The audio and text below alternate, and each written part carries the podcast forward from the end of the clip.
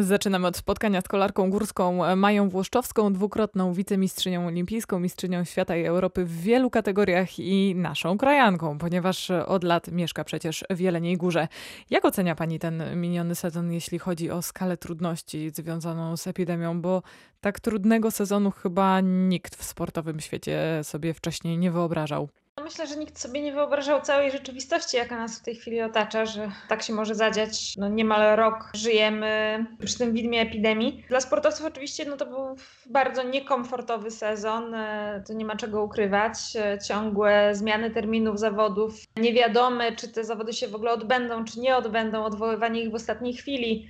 Do tego, mimo przeniesienia wielu imprez e, na jesień, bynajmniej nie spowodowało to, że organizacja ich była dla organizatorów łatwiejsza, bo na jesień znów COVID zaczął dawać o sobie znać e, bardziej intensywnie, więc te wrześniowe, październikowe wyścigi z mojej perspektywy wręcz wyglądały jak e, uciekanie przed kolejnymi obostrzeniami. No i tak to powodowało no, takie zawieszenie i zastanawianie się, czy to aby na pewno w ogóle ma sens, że no my tak na siłę trochę się ścigamy. Natomiast pod względem sportowym no, było to bardzo dobre, że mogliśmy w ogóle gdziekolwiek wystartować, e, nawet jeżeli to był wrzesień, październik, nawet jeżeli na Mistrzostwach Świata już na zawodach downhillowych e, zaczął padać śnieg i te warunki były tam niekorzystne dla startujących, ale mimo to zawody się odbyły i myślę, że wszyscy z tego, z tego faktu byli zadowoleni. No najtrudniejszy okres to oczywiście marzec, marzec, lipiec, kiedy nie można było w ogóle trenować na zewnątrz.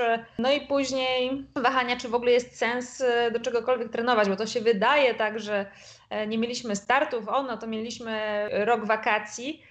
Ale to absolutnie tak nie jest, ponieważ mając w świadomości fakt, że starty mają być wznowione w sierpniu, no to tak naprawdę cały czas w marcu, kwietniu trzeba być e, absolutnie w pełnym treningu. No i ten trening jakoś realizować, przy tym, że były zamknięte siłownie, przy tym, że przez jakiś czas nie można było jeździć na rowerze na zewnątrz. Trudny, trudny niewątpliwie rok, no ale i tak przynajmniej no, branża w miarę też wyszła obronną ręką, ponieważ akurat przy zamknięciu siłowni, basenów, ludzie zaczęli jeździć na rowerach, więc taka rekreacyjna jazda tak naprawdę zyskała jeszcze w tym okresie na popularności co mam nadzieję uchroni wiele ekip przed ryzykiem tego, że mogłyby nie mieć finansowania na przyszły rok, więc mamy ten duży plus, że branża jako taka tak bardzo nie ucierpiała.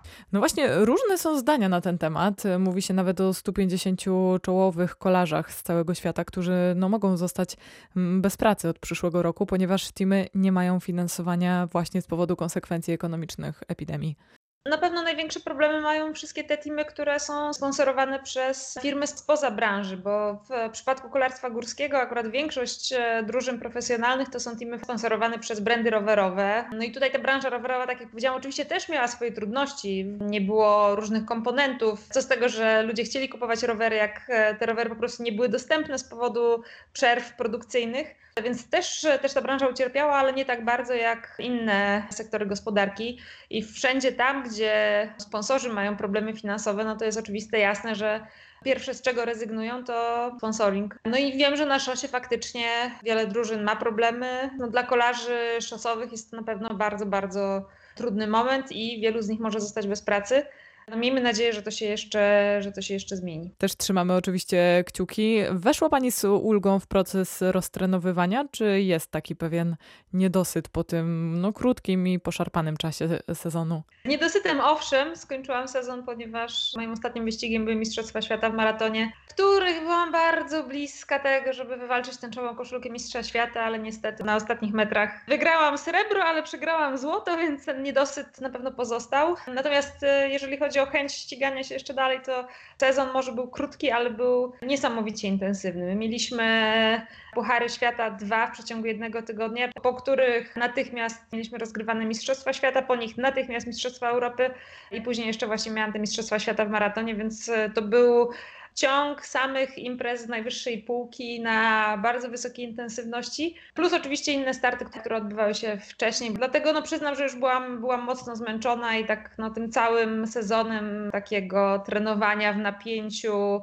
też i jakichś drobnych problemów zdrowotnych, więc z chęcią, z chęcią udałam się na zasłużony odpoczynek, ciesząc się, że mimo tego, że ten sezon był jaki był, to co nieco udało się osiągnąć, e, bo i na Mistrzostwach Świata, i na Mistrzostwach Europy w tej dyscyplinie olimpijskiej cross country skończyłam wyścigi w pierwszej ósemce, No i na Mistrzostwa Świata w maratonie z medalem, no to, to był taki na pewno mówię, z niedosytem wyścig, ale miły akcent na koniec sezonu.